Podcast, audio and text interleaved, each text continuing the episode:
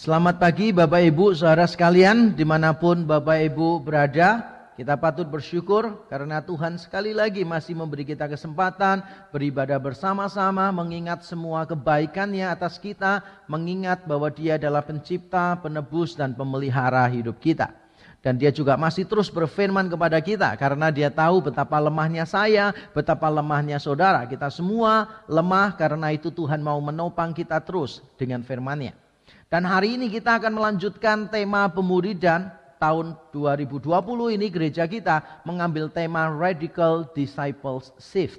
Dan kita sudah mendengarkan puluhan tema pemuridan. Dan hari ini kita sampai pada satu tema yaitu berbagi hidup.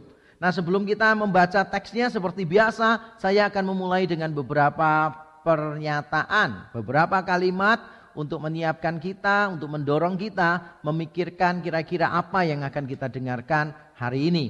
Nah saya akan memulai dengan kalimat ini. Berkumpul bersama-sama pada waktu yang sama dan melakukan aktivitas yang sama belum tentu memiliki kebersamaan. Waktu, tempat, dan jenis kegiatan yang sama hanya menyediakan kebersamaan bagi raga, belum tentu ada kesatuan jiwa.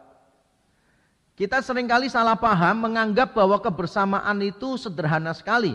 Yang penting kita semua ada di satu tempat yang sama, kita ada di waktu yang sama dan melakukan aktivitas yang sama, berarti otomatis kita memiliki kebersamaan. Dan itu adalah konsep yang keliru. Kalau kita tidak percaya, coba kita lihat di dua tempat. Pertama lihat di pasar misalnya. Kalau kita pergi ke pasar, orangnya ada di tempat yang sama, di waktu yang sama, melakukan aktivitas yang sama. Tetapi mereka saling bersaing satu dengan yang lain. Bukan berarti semuanya bersaing, tetapi mereka bersaing dengan penjual produk yang sama. Dan tidak jarang mereka berusaha untuk menjatuhkan, membuat penjual lain menjadi rugi dan bangkrut. Dan itu sering kali terjadi. Waktunya sama, tempatnya sama, aktivitasnya sama, tapi tidak ada kebersamaan. Mungkin kalau di pasar kita mengatakan, wah itu kan di pasar. Kalau kebersamaan kan jangan lihat di pasar dong. Oke, kita lihat di gereja coba. Di gereja semua orang berkumpul, waktunya sama, harinya sama, tempatnya sama, melakukan aktivitas yang sama. Tapi coba tanyakan pada masing-masing orang, saling kenal atau tidak? Kalaupun saling kenal, apa sih dampaknya seseorang bagi orang lain? Apakah kalau orang ini tidak ada, kemudian orang lain merasakan sesuatu begitu? Kita sering kali di gereja pun ada di tempat yang sama, di waktu yang sama, melakukan aktivitas yang sama, tapi kita tidak punya kebersamaan. Ada berapa banyak orang yang merasa sendirian di tengah kumpulan orang dan itu terjadi di rumah Tuhan. Berapa banyak orang yang datang ke gereja tapi merasa tidak pernah diperhatikan. Suara kita membutuhkan kebersamaan yang jauh melampaui waktu, tempat, dan aktivitas. Dan hari ini kita akan belajar sebuah prinsip penting dan itu akan menjadi kalimat berikutnya yang perlu kita renungkan sebelum kita membaca teks kita. Kalimat berikutnya adalah kebersamaan sejati dimulai dari hati dan diwujudkan melalui kebiasaan berbagi. Kebersamaan sejati dimulai dari hati. Memang bukan cuma hati. Nanti kita akan lihat ada macam-macam lain lagi, aspek lain selain hati. Tetapi semuanya harus dimulai dari hati. Dan itu harus diwujudkan melalui kebiasaan berbagi. Saya yakin kita pernah berbagi. Saya tidak bertanya apakah kita pernah berbagi. Pertanyaan saya adalah apakah kita terbiasa berbagi. Dan ketika kita berbagi, apakah itu dimulai dari hati, dari motivasi yang tulus di dalam hati kita, ataukah ketika kita berbagi sebetulnya kita sedang memanipulasi orang lain untuk kepentingan kita sendiri. Itu menjadi pertanyaan yang berbeda sekali. Ada orang yang tidak berbagi, ada orang yang berbagi. Ada orang yang berbagi dengan tulus, ada orang yang berbagi dengan maksud-maksud tertentu yang tidak tulus. Dan hari ini kita akan belajar bagaimana kita bisa berbagi. Dan ketika kita berbagi, bagaimana seharusnya kita melakukannya. Dan mari kita membaca teks kita di dalam kisah Rasul pasal yang keempat ayat 32 sampai 37. Mari kita membaca bersama-sama dengan bersuara di mana pun Bapak Ibu saudara berada. Mari kita membaca bersama-sama yang merasa sudah terbiasa memberi murah hati membaca ayat yang genap ya. Yang pelit tolong sadar diri dan membaca ayat yang ganjil ya. Oke. Saya juga nggak akan dengarkan kok ya. Tapi masing-masing kita jujur ya. Oke, yang murah hati membaca yang genap, yang pelit membaca yang ganjil. Beginilah bunyi firman Tuhan.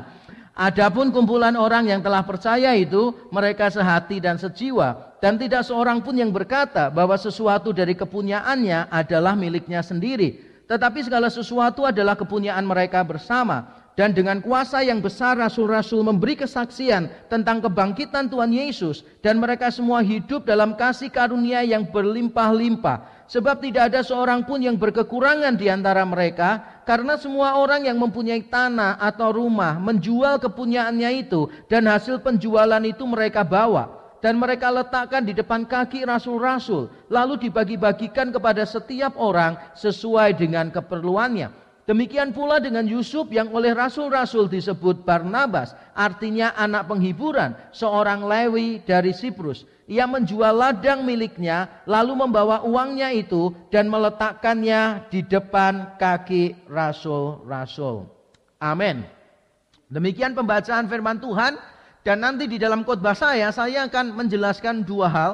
Saya akan menjelaskan tentang fondasi di ayat 32 33 mengapa mereka melakukan apa yang mereka lakukan di ayat 34 sampai 37. Jadi knowing why we do what we do itu penting luar biasa. Itu yang saya sebut fondasi. Kita tidak cukup untuk tahu what we have to do, tapi kita juga tahu why we have to do what we do. Itu penting luar biasa. Dan nanti di bagian yang kedua saya akan menerangkan what mengapa yang mereka lakukan. Jadi pertama mengapa, kemudian yang kedua adalah apa. Why dan what. Yang why ini saya sebut fondasinya. Kemudian yang what saya sebut aksi. Dan khotbah saya akan lebih banyak fokus kepada bagian yang pertama, yaitu pada fondasinya. Karena saya sekali lagi, saya percaya bahwa why itu lebih penting daripada what.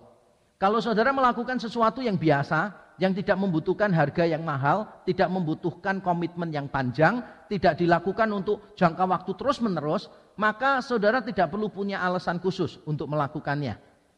Tapi kalau saudara melakukan sesuatu yang harganya mahal dan menuntut komitmen yang panjang, saudara perlu tahu alasannya. Sebab kalau saudara tidak punya alasan yang cukup baik, maka saudara akan berhenti melakukannya di tengah jalan. Jadi pastikan saudara memiliki alasan yang baik untuk melakukannya. Dan berbagi hidup adalah tindakan yang menuntut harga yang mahal. Menuntut komitmen jangka panjang. Sehingga kita tidak bisa just do it. Nggak bisa. We have to know why we do it. Dan karena itu mari kita belajar fondasinya terlebih dahulu. Saya bacakan ulang ayat 32 dan 33. Adapun kumpulan orang yang telah percaya itu mereka sehati dan sejiwa dan tidak seorang pun yang berkata bahwa sesuatu dari kepunyaannya adalah miliknya sendiri tetapi segala sesuatu adalah kepunyaan mereka bersama dan dengan kuasa yang besar rasul-rasul memberi kesaksian tentang kebangkitan Tuhan Yesus. Dan mereka semua hidup dalam kasih karunia yang melimpah-limpah Syarat jemaat mula-mula hidup di dalam kasih karunia yang melimpah-limpah mereka sehati sejiwa. Dan mereka menganggap bahwa apa yang mereka miliki bukan milik mereka sendiri tapi milik bersama. Ini jelas gaya hidup yang berbeda sekali dengan yang biasa kita lihat. Sehingga kita bertanya, mengapa bisa muncul gaya hidup seperti ini? Kalau kita membaca di dalam kisah para rasul, maka kita akan menemukan jawabannya. Karena gaya hidup jemaat mula-mula bukan cuma dibahas di pasal yang keempat, tetapi juga dibahas di pasal yang kedua. Di pasal yang kedua juga diceritakan bagaimana mereka bertekun dalam pengajaran rasul-rasul, dalam persekutuan, dalam sakramen, dalam doa, dan mereka saling memberi satu dengan yang lain. Dan mengapa bisa terjadi seperti itu? Gaya hidup jemaat mula-mula disebutkan dua kali dan tiap kali disebutkan, garis bawahi, tiap kali disebutkan selalu didahului dengan satu hal, yaitu Roh Kudus turun. Di kisah Rasul pasal yang kedua Roh Kudus turun pada hari Pentakosta. Lalu Petrus berkhotbah 3000 orang bertobat dan setelah itu diceritakan gaya hidup mereka adalah mereka memiliki kesatuan dan mereka memiliki kesehatian. Jadi komunitas yang bersatu dan berbagi itu muncul karena Roh Kudus. Dan hal yang sama terjadi di kisah Rasul pasal yang keempat yang menjadi teks kita hari ini. Teks kita hari ini itu pasal 4 ayat 32 sampai 37. Tapi ketika kita membaca satu ayat sebelumnya yaitu ayat 31, maka kita akan mendapatkan begini. Dan tempat mereka berkumpul itu goncang, mereka penuh dengan Roh Kudus dan mereka memberitakan Injil dengan berani. Nah, setelah ada kalimat mereka semua penuh dengan Roh Kudus, lalu muncullah gaya hidup tadi. Sehingga dengan demikian kita bisa menarik kesimpulan bahwa komunitas yang dipenuhi oleh Roh Kudus akan menjadi komunitas yang bersatu dan komunitas yang berbagi. Kita sering kali berpikir bahwa kalau Roh Kudus itu datang, maka tandanya itu yang spektakuler-spektakuler begitu kan, dalam tanda kutip gitu.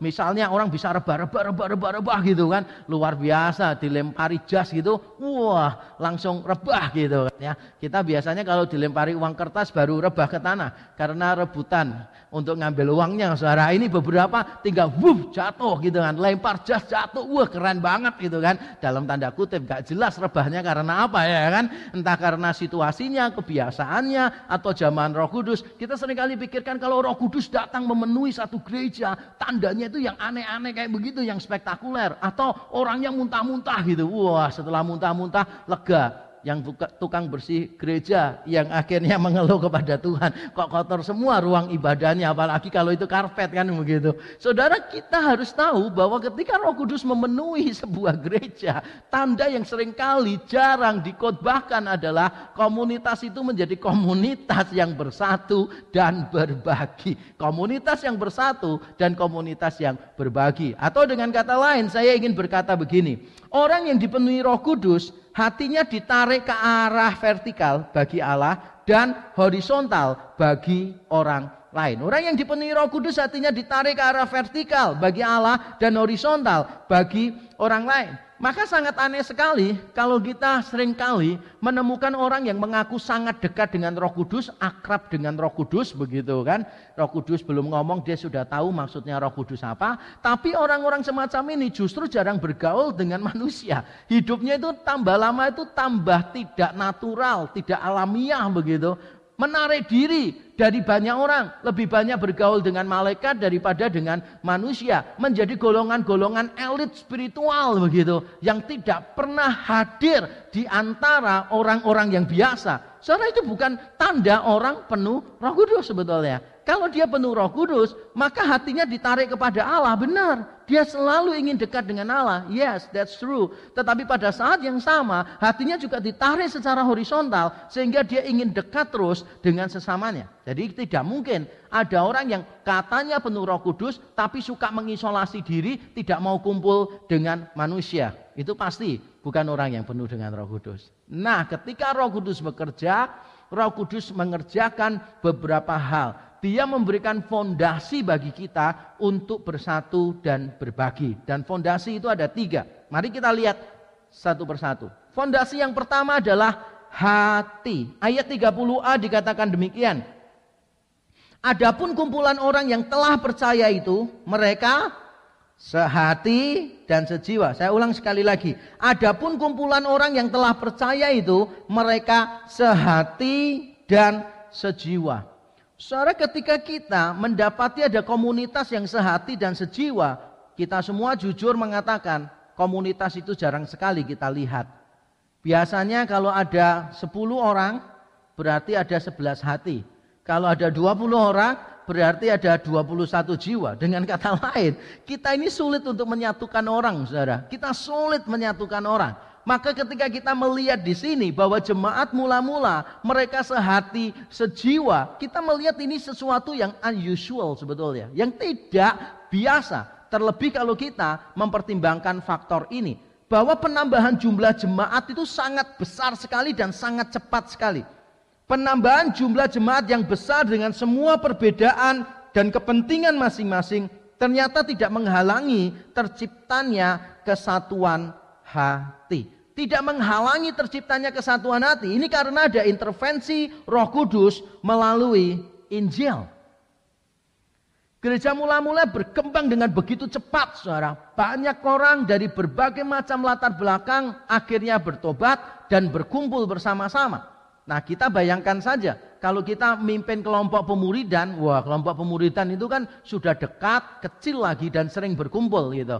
Apakah pernah terjadi perselisihan di dalam kelompok pemuridan? Bukan pernah, sering gitu. Padahal sudah jadi kelompok kecil yang baik. Tapi mengapa masih sering terjadi seperti itu? Saudara ini memberitahu kita bahwa sebetulnya tidak mudah menjadi sehati dan menjadi sejiwa. Jauh lebih mudah kita sakit hati dan sakit jiwa daripada sehati dan sejiwa. Ketika kita kumpul bersama-sama, itu susah setengah mati. Makanya kita harus menyadari bahwa di balik jemaat mula-mula yang sehati dan sejiwa itu pasti ada intervensi Roh Kudus dan saya sudah menerangkan itu. Tapi bukan cuma ada intervensi Roh Kudus, tetapi juga ada Injil yang diberitakan di sana. Menurut Efesus pasal yang keempat ayat 4 sampai 6 kita memiliki tujuh kesatuan dengan semua orang percaya. Di dalam Kristus kita memiliki kesamaan-kesamaan baru yang jauh melampaui semua perbedaan yang ada. Satu tubuh, satu roh, satu pengharapan, satu Tuhan, satu iman, satu baptisan, dan satu Bapa. Saya tidak ingin kita lupa ini, saudara. Karena ayat inilah salah satunya yang mendasari pelayanan saya, yang mengubahkan cara berpikir saya. Dan ayat ini juga saya masukkan di dalam buku saya yang terakhir, Gereja yang Menggerakkan Jemaat. Karena saya menyadari betapa pentingnya ayat ini. Kita sering kali terlalu fokus pada perbedaan kita. Beda usia, beda budaya, beda cara berpikir dan sebagainya. Sehingga itu mengakibatkan perselisihan, percecokan di dalam gereja. Kita lupa bahwa sebetulnya kita memiliki kesatuan yang jauh lebih banyak dan yang jauh lebih fundamental, yaitu kita memiliki satu tubuh, satu roh, satu pengharapan, satu Tuhan, satu iman, satu baptisan, satu Bapa. Kurang apa coba Saudara? Saya percaya di dalam Kristus, di dalam Injil, kita memiliki alasan yang cukup untuk bersatu dan itu perlu intervensi Roh Kudus supaya kita bisa menghidupi Injil. Jadi saya ulang sekali lagi, di dalam Injil kita memiliki alasan yang cukup untuk bersatu dan kita membutuhkan intervensi Roh Kudus untuk menghidupi Injil itu. Di dalam Injil kita memiliki alasan yang cukup untuk bersatu dan melalui intervensi Roh Kudus kita bisa menghidupi Injil itu. Tanpa Roh Kudus dan tanpa Injil, maka kesatuan hanyalah impian. Saya ulang sekali lagi, tanpa Roh Kudus, tanpa Injil, kesatuan gereja hanyalah impian belaka. Kita tidak mungkin bisa mencapainya kalau tidak melalui intervensi Roh Kudus dan di dalam Kristus melalui Injilnya. Fondasi pertama adalah hati. Nah fondasi yang kedua adalah teologi. Di ayat yang ke-32b dikatakan, dan tidak seorang pun yang berkata, jadi bukan cuma merasa, kalau merasa itu kan hati. Tidak seorang pun yang berkata bahwa sesuatu dari kepunyaannya adalah miliknya sendiri. Tetapi segala sesuatu adalah kepunyaan mereka bersama. Nah saudara apa artinya ini saudara? Mereka tidak ada yang berkata, oh ini milikku. Enggak, ini milik bersama. Maksudnya apa ini? Apakah berarti semua yang dimiliki A itu pasti menjadi miliknya B?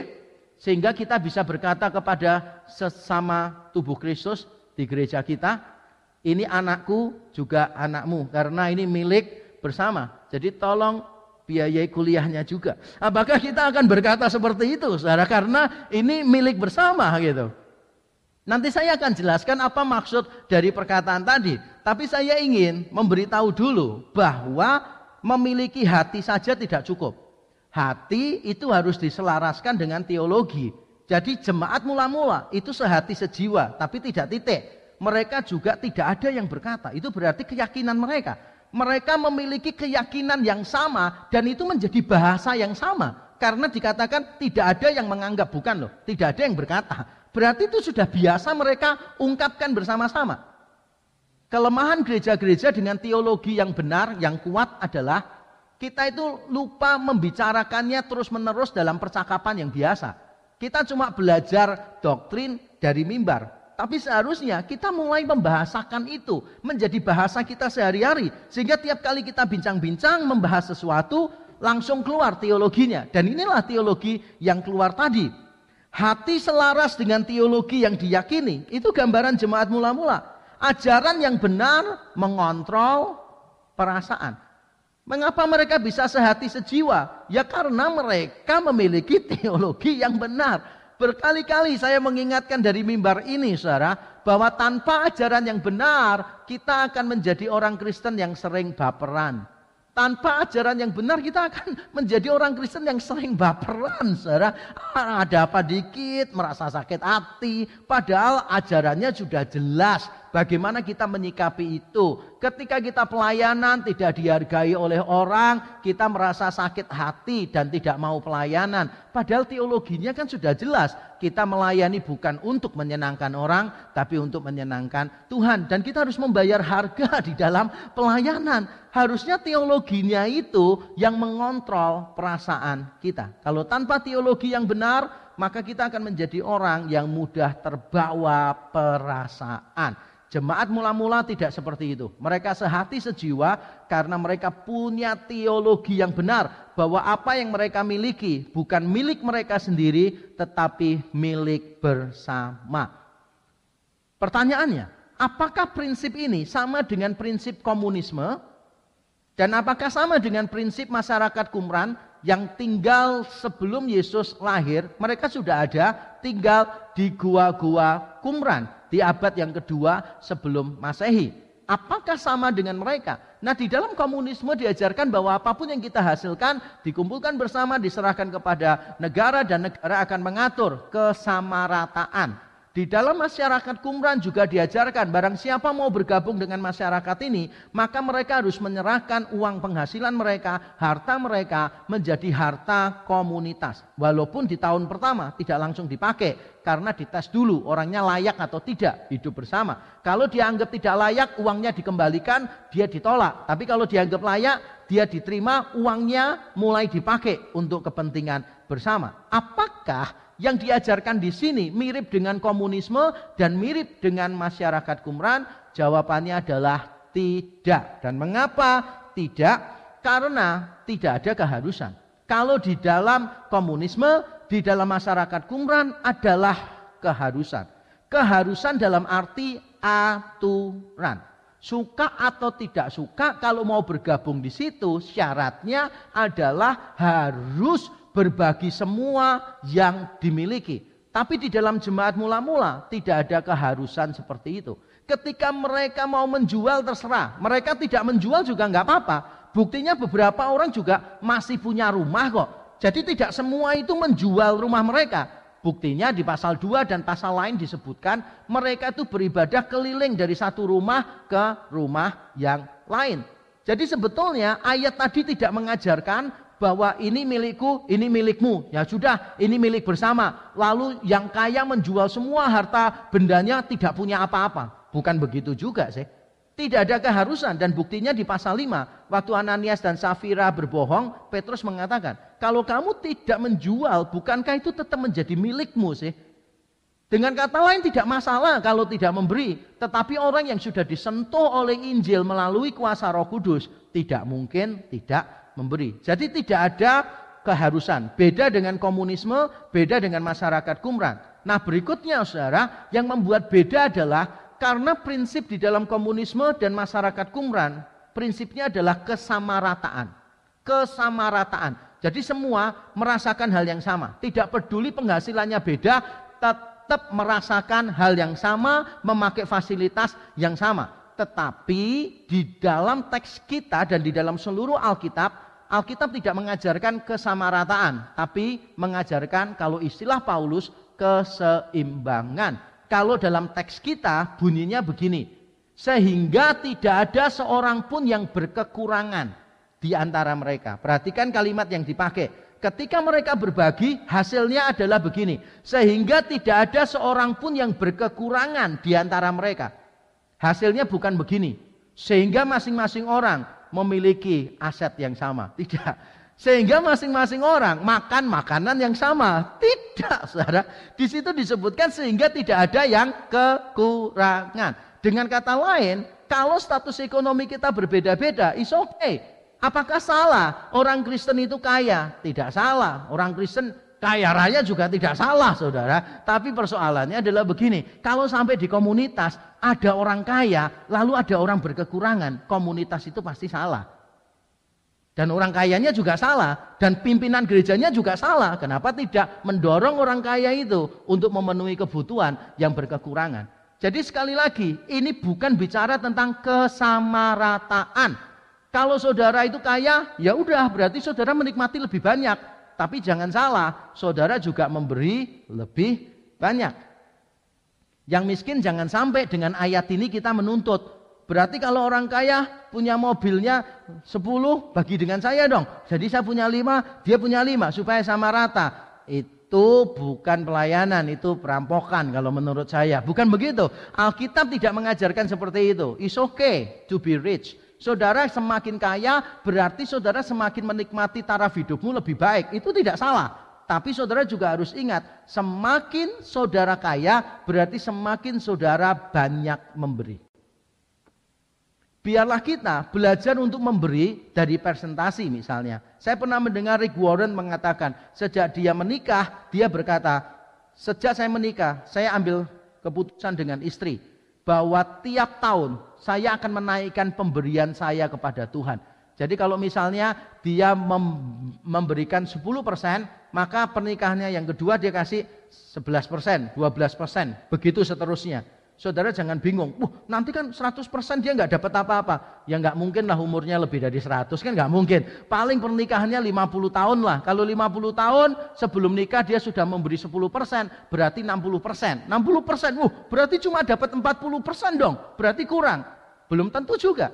Kalau kalian penghasilannya sangat besar, 40% dari penghasilan yang besar itu sudah sangat besar daripada 100% penghasilan yang kecil. Jadi Allah itu adil sebetulnya. Ketika Allah memberkati seseorang, Allah tidak melarang orang itu untuk menikmati berkat itu. Tetapi pastikan orang itu juga memberi lebih besar kepada orang lain, kepada pekerjaan Tuhan. Jadi ini bukan kesamarataan tetapi keseimbangan. Atau dengan kata lain, saya ingin menambahkan ini prinsip teologis yang penting di dalam tindakan jemaat mula-mula tadi, yaitu ini tentang stewardship, penata layanan, bukan ownership, kepemilikan. Ini bicara tentang penata layanan. Istilah stewardship itu berasal dari bahasa Yunani yang dulu kalau dipakai itu merujuk pada satu orang kepercayaan dari seorang tuan. Jadi kalau ada tuan yang kaya raya, dia mau pergi jauh, dia mempercayakan rumah tangganya, keluarganya, bisnisnya kepada seorang penata layan, steward ini. Lalu dia akan memberikan uangnya semua yang diperlukan. Setelah tuan itu pulang, maka dia penata layan harus memberi pertanggungjawaban kepada tuan itu. Dan seperti itulah kekayaan kita. Seperti itulah talenta kita. Seperti itulah apa pun yang kita terima dari Tuhan. Kita kadangkala berkata dengan mudah bahwa semua yang aku miliki adalah milik Tuhan. Wah, luar biasa. Ini bukan milikku, it's not mine, oh Lord, it's yours. Wah, keren banget ya. Ketika Tuhan berkata, oke okay, sekarang pekerjaanku lagi butuh uang tuh, tolong uangku dikirim ke sana ya. Langsung kita berkata, kok enak ya? kok enak saya yang susah-susah kerja, lo katanya Tuhan yang kasih gitu. Kenapa ketika Tuhan minta kita keberatan? Eh, kamu sudah dikasih Tuhan. Iya, itu ada anak Tuhan tuh kekurangan. Anakku ada yang kekurangan tuh. Kamu tolong bantu dong janda itu, anak yatim piatu itu, anak Tuhan itu anakku kekurangan. Kasih dong. Lo kok enak? Keluarga bukan, saudara bukan, gitu. Anaknya mantan juga bukan. Gitu. Kenapa harus kita bantu gitu kan? Nah kita sering kali berkata bahwa ini miliknya Tuhan. Tapi ketika Tuhan minta, kita susah sekali untuk melepaskan. Saudara kita perlu ingat, apa pun yang Allah berikan kepada kita merupakan sebuah penata layanan. Kita hanya dipercaya oleh Allah untuk mengurus pemberian itu secara bijaksana. Jadi posisi kita lebih ke arah pengatur daripada pemilik. Ingatkan diri kita terus menerus. Saya juga mengingatkan diri saya terus menerus bahwa whatever I have itu bukan milik saya. Itu adalah miliknya Tuhan. Tuhan bisa ambil kapan saja. Tuhan bisa ambil kapan saja. Dan ketika Tuhan ambil, ya memang sudah waktunya, memang bukan milik kita kok. Kita ini cuma pengatur, maka pastikan Kita mengatur semuanya dengan baik. Ketika Tuhan percayakan talenta, kita bisa melayani, layani dengan baik. Ketika Tuhan kasih kita waktu, gunakan waktu dengan baik. Ketika Tuhan kasih kita harta, gunakan dengan baik. Karena kita pengatur, bukan pemilik. Fondasi pertama adalah hati, fondasi kedua adalah teologi, dan fondasi yang ketiga saudara adalah anugerah ilahi. Mari kita membaca ayat 33. Ayat 33 dikatakan demikian. Dan dengan kuasa yang besar, garis bawahi, dengan kuasa yang besar, rasul-rasul memberi kesaksian tentang kebangkitan Tuhan Yesus. Dan mereka semua hidup dalam kasih karunia yang melimpah-limpah. Dan dengan kuasa yang besar rasul-rasul memberi kesaksian tentang kebangkitan Tuhan Yesus. Dan mereka semua hidup dalam kasih karunia yang melimpah-limpah. Dulu saya berpikir ayat ini berbicara tentang penginjilan di luar gereja. Para rasul dengan penuh kuasa memberi kesaksian tentang kebangkitan Yesus Kristus. Saya pikir itu ditujukan kepada orang-orang di luar gereja. Tapi saya kaget karena ketika melihat konsekuensinya bukan begitu.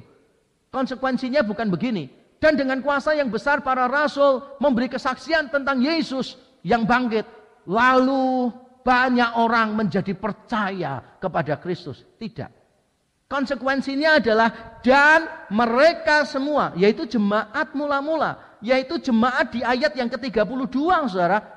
Jadi jemaat mula-mula dan para rasul dan mereka semua hidup dalam kasih karunia yang melimpah-limpah. Jadi ketika mereka hidup di dalam kasih karunia yang melimpah-limpah atau lebih tepatnya mereka dipenuhi dengan kasih karunia yang melimpah-limpah, itu adalah hasil dari pemberitaan Injil Yesus Kristus. Kebangkitannya pemberitaan dengan penuh kuasa. Kita sering kali berpikir kalau pemberitaan Injil dengan penuh kuasa, kita kaitkan dengan apa? Mujizat. Lalu kita menyanyi, ke mana pun kami kan pergi, ke mana pun kami berdiri, di situ pasti apa? Mujizat pun terjadi. Wah, kita pikirnya kalau kuasa Injil bekerja, mujizat itu nyata. Saya percaya ada mujizat. Saya percaya Tuhan kadangkala memberikan peneguhan terhadap berita Injil dengan mujizat. Tetapi kita sering kali lupa bahwa ketika Roh Kudus bekerja, manifestasinya itu macam-macam. Jangan cuma dibatasi mujizat. Kalau nggak ada mujizat, Roh Kudus tidak bekerja. Loh, ini loh karya Roh Kudus. Karena ayatnya mengatakan dengan kuasa yang besar para rasul memberi kesaksian tentang kebangkitan Yesus Kristus. Hasilnya apa? Hasilnya mereka semua dilimpahi kasih karunia Allah dan wujudnya apa? Mereka berbagi dengan sesama. Kalau saudara membaca ayat 33 sebagai pekabaran Injil saja di luar gereja, maka ayat ini tidak cocok nangkring di situ, nongkrong di sana, ada di sana, gak cocok. Karena ayat 32 sampai 37 itu berbicara tentang kehidupan di antara umat Tuhan. Sehingga pemberitaan Injil di sini seharusnya kita pahami adalah pemberitaan Injil bukan cuma untuk unbelievers orang-orang di luar, tapi yang lebih penting di sini adalah untuk jemaat sendiri. Orang-orang Kristen harus sering mendengarkan Injil. Kalau kita berharap komunitas kita menjadi komunitas yang suka berbagi, maka kita harus memberitakan Injil terus-menerus sehingga jemaat kita akan selalu diingatkan tentang kasih karunia Allah. Kita dulu orang yang tidak berdaya, orang yang malang, yang hina, tidak pantas mendapatkan apa pun, tapi Allah mencari dan menyelamatkan kita. Allah mendatangi kita di dalam keterpurukan kita, Allah menjemput kita di dalam kehinaan kita, dan orang yang sudah mengalami kasih karunia ini orang itu tidak akan segan-segan untuk pergi dan mencari orang lain yang malang, yang tidak punya pengharapan sama sekali. Kenapa? Karena dia sudah pernah mengalami bagaimana Tuhan mengejar, mencari, dan menyelamatkan dia. Sehingga dia sekarang tahu bagaimana mengejar, mencari, dan menyelamatkan orang lain. Hanya dengan Injil yang diberitakan terus-menerus di dalam gereja, kita bisa punya pengharapan akan terjadi transformasi di dalam gereja. Kuasa ilahi dalam pemberitaan Injil bukan hanya terlihat melalui mujizat, Kuasa ilahi juga dinyatakan melalui pencurahan anugerah ilahi. Pemberitaan Injil yang terus-menerus membuat jemaat mula-mula hidup dalam kelimpahan kasih karunia. Orang tidak mungkin bisa memberi kalau dia tidak berlimpah secara kasih karunia. Bukan berlimpah secara harta, tapi berlimpah secara kasih karunia. Saudara punya harta berlimpah, tapi tidak berlimpah kasih karunia, saudara tidak akan pernah merogoh kantong dompetmu untuk diberikan kepada orang lain. Tetapi sebaliknya, tidak peduli seberapa yang engkau miliki secara finansial, tapi selama hatimu dilimpahi oleh kasih karunia Allah, maka engkau tidak akan segan-segan memberi dari kekuranganmu. Saudara memberi itu tidak harus dari kelebihan kita. Memberi bisa jadi dari kekurangan kita. Kekurangan secara finansial, tetapi tidak pernah kita memberi dari kekurangan spiritual, tidak pernah. Saya terangkan sekali lagi. Kita bisa memberi dari kekurangan finansial kita, tapi kita tidak mungkin bisa memberi dari kekurangan spiritual kita. Nggak bisa. Hanya orang yang secara rohani kaya, dia dilimpahi oleh kasih karunia Allah, maka orang itu akan dimampukan untuk berbagi kepada orang lain. Pertanyaannya bagaimana kita bisa memiliki kasih karunia yang melimpah-limpah itu? yaitu dengan pemberitaan Injil. Kalau Injil diberitakan terus-menerus, saya percaya ada transformasi di dalam hati kita. Kasih karunia melimpah mengubahkan kita menjadi pribadi yang tidak kikir dan tidak serakah. Sebagaimana Allah telah mencari dan menyelamatkan orang berdosa, demikian pula orang percaya mencari dan menyelamatkan orang yang tidak punya apa-apa. Pengalaman kita bersama dengan Allah melalui Injil. Pengalaman itulah yang akan menjadi dorongan yang kuat bagi kita untuk mulai membagi hidup kita. Lah kalau Kristus memberikan hidupnya sepenuhnya kepada kita, masuk akal tidak sih? Orang yang hatinya sudah disentuh oleh Injil Yesus Kristus tidak mau memberikan hidupnya bagi orang lain. Masuk akal tidak sih? Kalau orang mengaku bahwa hidupnya sudah mengalami Injil, Kristus sudah menjadi miskin, dia yang kaya menjadi miskin, supaya kita yang miskin menjadi kaya secara rohani, dan orang yang mengaku disentuh Injil ini, ternyata dia tidak mau berbagi kekayaannya kepada mereka yang miskin. Apakah itu masuk akal? Sama sekali tidak masuk akal. Suara alasan utama kita memberi adalah karena kita sudah diberi oleh Tuhan. Tuhan itu sudah baik luar biasa kepada kita. He has been so good to us. Karena itulah His goodness itu yang mendorong kita, ngedrive kita untuk memberikan goodness juga kepada orang lain. Ini bukan masalah berapa banyak yang saudara miliki di tabungan.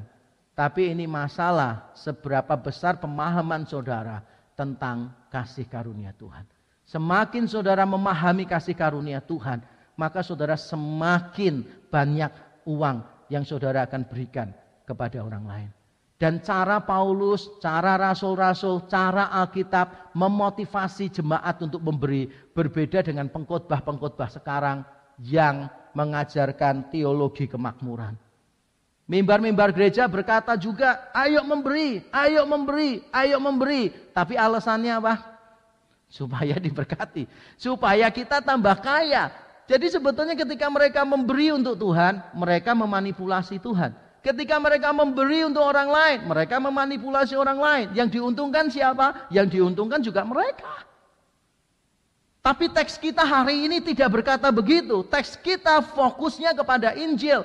Ketika para rasul dengan penuh kuasa memberitakan kesaksian tentang Yesus yang bangkit, maka terjadi sesuatu Jemaat mula-mula dipenuhi dengan kasih karunia Allah dan mereka mulai memberi. Makanya sangat aneh memang. Ini saya pernah diskusikan dengan beberapa hamba Tuhan. Sangat aneh ya kalau gereja-gereja yang teologinya benar, cara memberinya tidak benar. Di antara gereja-gereja yang paling pelit adalah gereja-gereja yang teologinya paling solid. Di antara gereja-gereja yang paling pelit adalah gereja-gereja yang teologinya paling solid. Gereja-gereja yang teologinya itu tidak jelas, saudara, itu sering kali malah lebih murah hati, saudara. Saya berapa kali pelayanan di berbagai tempat gitu kan, dari gereja yang teologinya jelas, sampai yang tidak jelas begitu kan. Saya melihat cara mereka menyambut hamba Tuhan misalnya itu berbeda saudara. Kalau gereja yang teologinya solid itu biasanya mikir gini, hamba Tuhan tuh hamba kok nggak usah diurusi pembicara tamu itu nggak apa-apa yang penting sudah bisa melayani itu puji Tuhan nggak usah diurusin nah itu berkat saya sih kalau saya melayani tidak diperhatikan tidak dilayani ya sudah berarti semakin besar harga yang saya berikan untuk pelayanan, ya itu sukacita saya kan begitu. Semakin saya ditolak, saya semakin menyadari itu besarnya kasih Tuhan yang mau ditolak untuk saya. Tapi ini beda banget saudara dengan gereja-gereja yang teologinya tidak jelas. Wah saya ini disambut bak raja gitu. Sampai saya itu sungkan banget gitu kan. Sampai saya ngomong eh jangan gitulah biasa aja gitu. Nyambutnya biasa-biasa aja nggak usah begini. Oh jangan pak.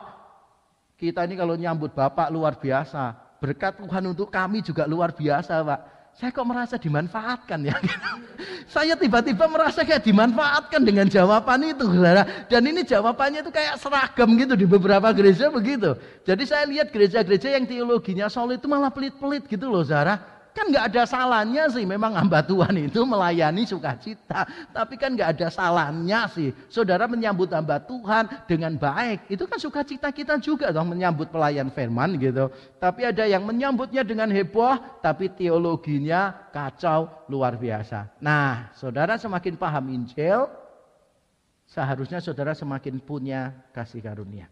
Dan kasih karunia itu yang memampukan saudara untuk berbagi kepada orang lain. Nah sekarang kita lihat nih setelah jemaat mula-mula punya hati, punya teologi, punya kasih karunia ilahi, maka yang mereka lakukan apa? Kita sekarang masuk aksi. Apa yang mereka lakukan? Di ayat 34 sampai 37 saya bacakan dengan cepat.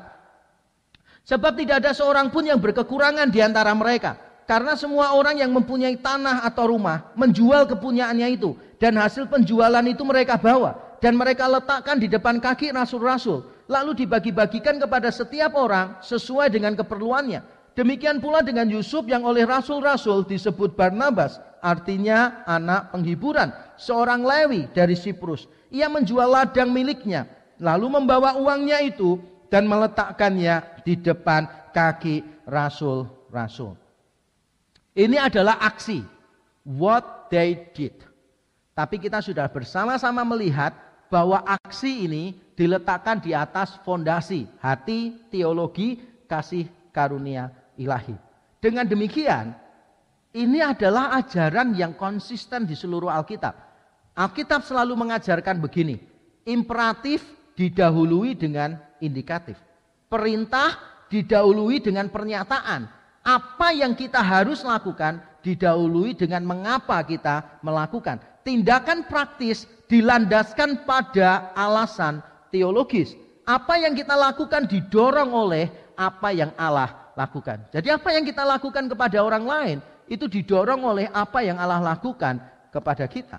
Alasan teologis mendorong kita untuk melakukan tindakan praktis. Sehingga pastikan teologi kita benar dan tindakan kita juga benar. Karena sering kali teologi kita itu salah, tindakannya benar. Jadi kalau digabung jadi salah. Yang lebih parah kalau teologinya salah, tindakannya juga salah. Tapi kita harus berhati-hati menjaga supaya antara indikatif dan imperatif ini menjadi seimbang. Jangan pernah melakukan sesuatu dengan konsep yang keliru. Memang mulai dari hati, tapi hati dikontrol oleh teologi dan digerakkan oleh kasih karunia ilahi. Itu penting sekali. Mulai dari hati dikontrol oleh teologi, digerakkan oleh kasih karunia ilahi. Nah, apa yang diberikan kepada sesamanya oleh jemaat mula-mula? Mereka memberikan rumah, jual rumah, ladang untuk orang-orang percaya yang kekurangan. Dan saudara bingung, kenapa sampai perlu menjual tanah atau ladang? Nah, kita harus mengetahui latar belakangnya pada waktu itu. Kita tidak bisa memisahkan dari peristiwa hari raya Pentakosta. Jadi di kisah Rasul pasal kedua ada hari raya Pentakosta. Dan itu berarti banyak orang Yahudi, ribuan orang Yahudi dari berbagai macam tempat di seluruh pelosok dunia kuno waktu itu, mereka akan bersiarah ke Yerusalem untuk merayakan hari raya ini. Dan pada waktu mereka merayakan hari raya ini, mereka bertobat. 3000 orang bertobat pada waktu hari Pentakosta. Dan setelah itu, tiap hari Tuhan menambahkan jumlah mereka. Sehingga jumlahnya ribuan. Dan orang-orang ini peziarah semua.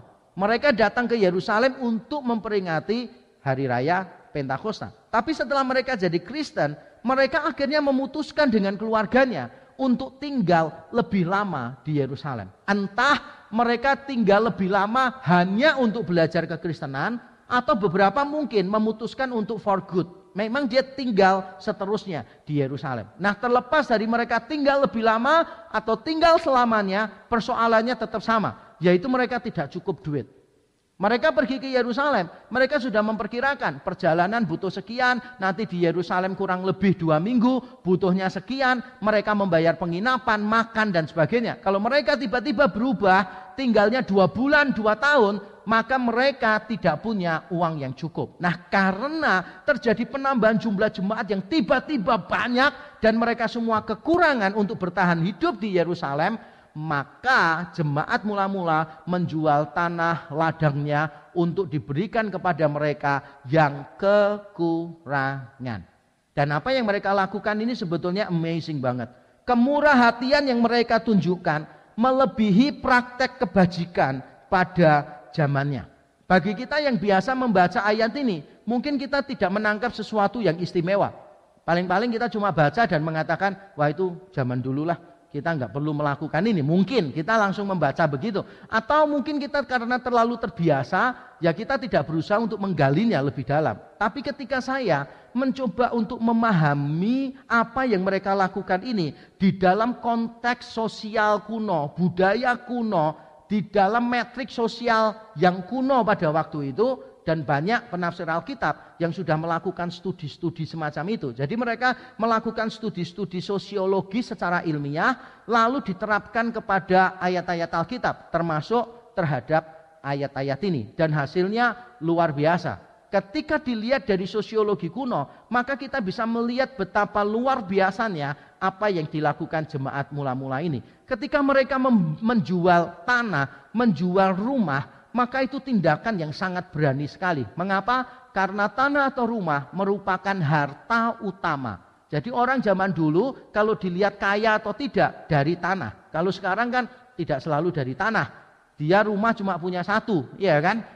Kamarnya cuma dua, tapi dia punya berlian empat kamar gitu kan. Ya itu kan lebih lebih kaya lagi punya berlian daripada punya rumah. Lalu dia rumahnya sederhana gitu, tapi depositonya luar biasa. Rumahnya sederhana, wah tapi sahamnya di berbagai tempat luar biasa. Ini terutama orang-orang Tionghoa yang kuno-kuno gitu saudara, yang tinggalnya di kampung-kampung ence-ence, encim-encim gitu kan ya. Dengan semua kesederhanaan mereka, di kampungnya mobil aja nggak bisa masuk. Eh jangan meremehkan mereka saudara. Itu mereka punya tabungan yang luar biasa, punya saham di mana-mana. Nah sekarang ini kita punya banyak opsi. Kalau mau punya harta yang berharga, banyak opsi. Rumah hanya salah satu opsi tapi zaman dulu saudara, rumah itu termasuk salah satu, kalau bukan satu-satunya. Salah satu yang menjadi harta utama. Tapi bukan cuma harta utama, tapi itu menjadi sumber penghasilan utama. Masyarakat dulu agrikultural, bukan masyarakat sekarang, industrial dan informasional sekarang. Sehingga tidak butuh tanah. Sekarang ini orang nggak perlu kantor. Di rumah bisa kerja ya kan? Kalau nggak mau di rumah diganggu keluarganya ya pakai coworking space gitu. Tinggal nyewa saja sudah nggak perlu punya kantor. Mau bisa jalan dengan baik kok. Perusahaan-perusahaan raksasa nggak punya gudang nggak punya kantor malah duitnya banyak gitu kan. Tapi zaman dulu nggak bisa. Agrikultural. Saudara mau dapat duit? Punya tanah. Nggak punya tanah ya berarti jadi buruh tani aja dan nggak bisa kaya. Jadi ketika mereka membeli mem, menjual dan memberikan tanah rumah itu kepada orang lain. Hasil penjualannya diberikan itu tindakan yang sangat berani sekali. Harta utamanya dikorbankan sumber penghasilan utama dikorbankan. Dan jangan lupa ketenangan hari tua juga dikorbankan. Tanah itu warisan untuk keluarga untuk anak cucu saudara. Jadi orang zaman dulu percaya harta yang paling berharga adalah tanah keluarga. Bukan keluarga, tapi tanah keluarga. Bahkan gara-gara tanah keluarga, orang bisa bunuh-bunuhan. Karena tanah ini memang akan diwariskan terus-menerus, diwariskan terus-menerus, diwariskan terus-menerus. Kalau saudara tidak punya tanah, saudara itu dianggap sebagai orang yang tidak punya kepastian, tidak punya harapan di masa depan. Beda dengan konteks kita sekarang.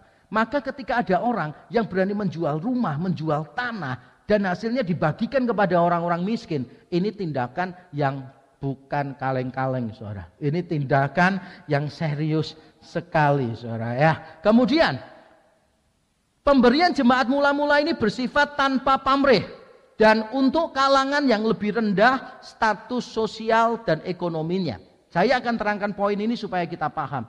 Menurut sosiologi kuno sekali lagi, orang itu biasanya kalau memberi banyak, memberi banyak ya, besar, itu kepada yang status ekonomi dan sosialnya sama. Karena mereka sedang membangun sebuah kekuatan.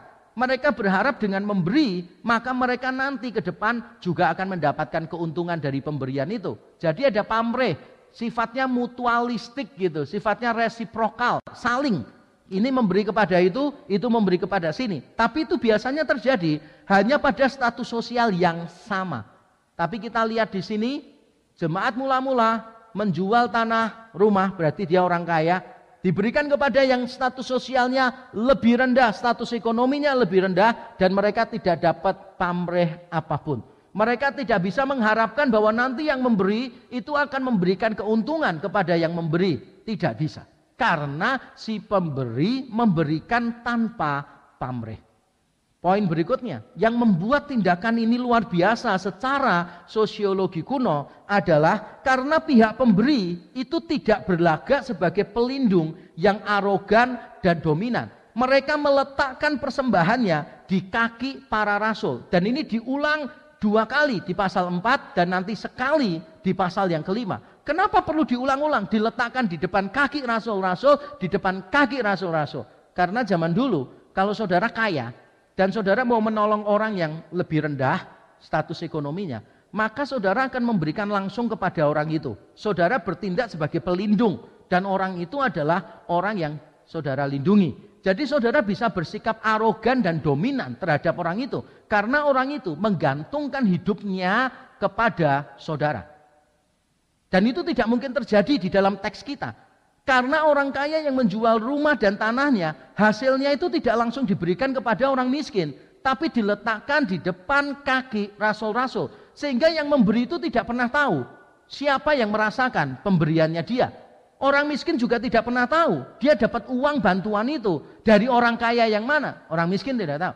Jadi ini menghalangi, meminimalisasi godaan untuk menjadi arogan dan menjadi dominan. Nah kita ini kan sering kali begitu kan, kalau sudah memberi banyak, minta kuasa yang banyak di dalam gereja.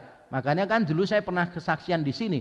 Saya diajak makan orang dan diomongin, Pak saya mau kasih satu M untuk gereja Pak. Oh iya boleh, syaratnya dua gitu kan. Satu, kalau kamu sudah kasih nggak boleh mengurusi lagi. Ada majelis yang akan mengurusi, setuju nggak?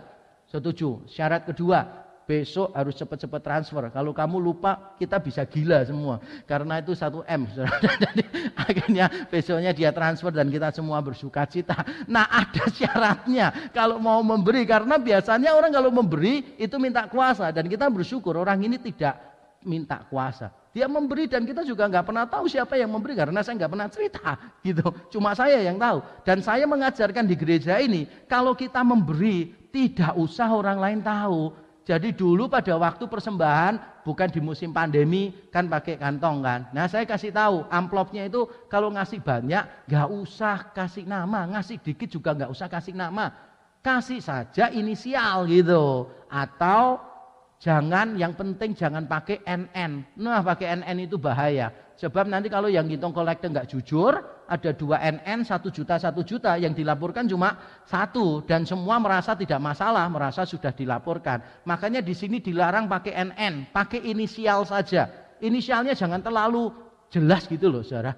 Kalau Yakub Trihandoko inisialnya YKBTR HNDKO yang orang mesti tahu lah kalau itu saya ya kan nggak usah lah kayak gitu nah saudara kasih inisial aja yang mungkin saudara itu keperluannya cuma gini loh keperluannya itu cuma Saudara tahu kalau persembahan saudara sudah dihitung oleh gereja dan dihitung dengan benar. Jadi yang butuh inisial itu saudara, bukan orang lain sebetulnya. Makanya inisialnya nggak usah jelas-jelas gitu.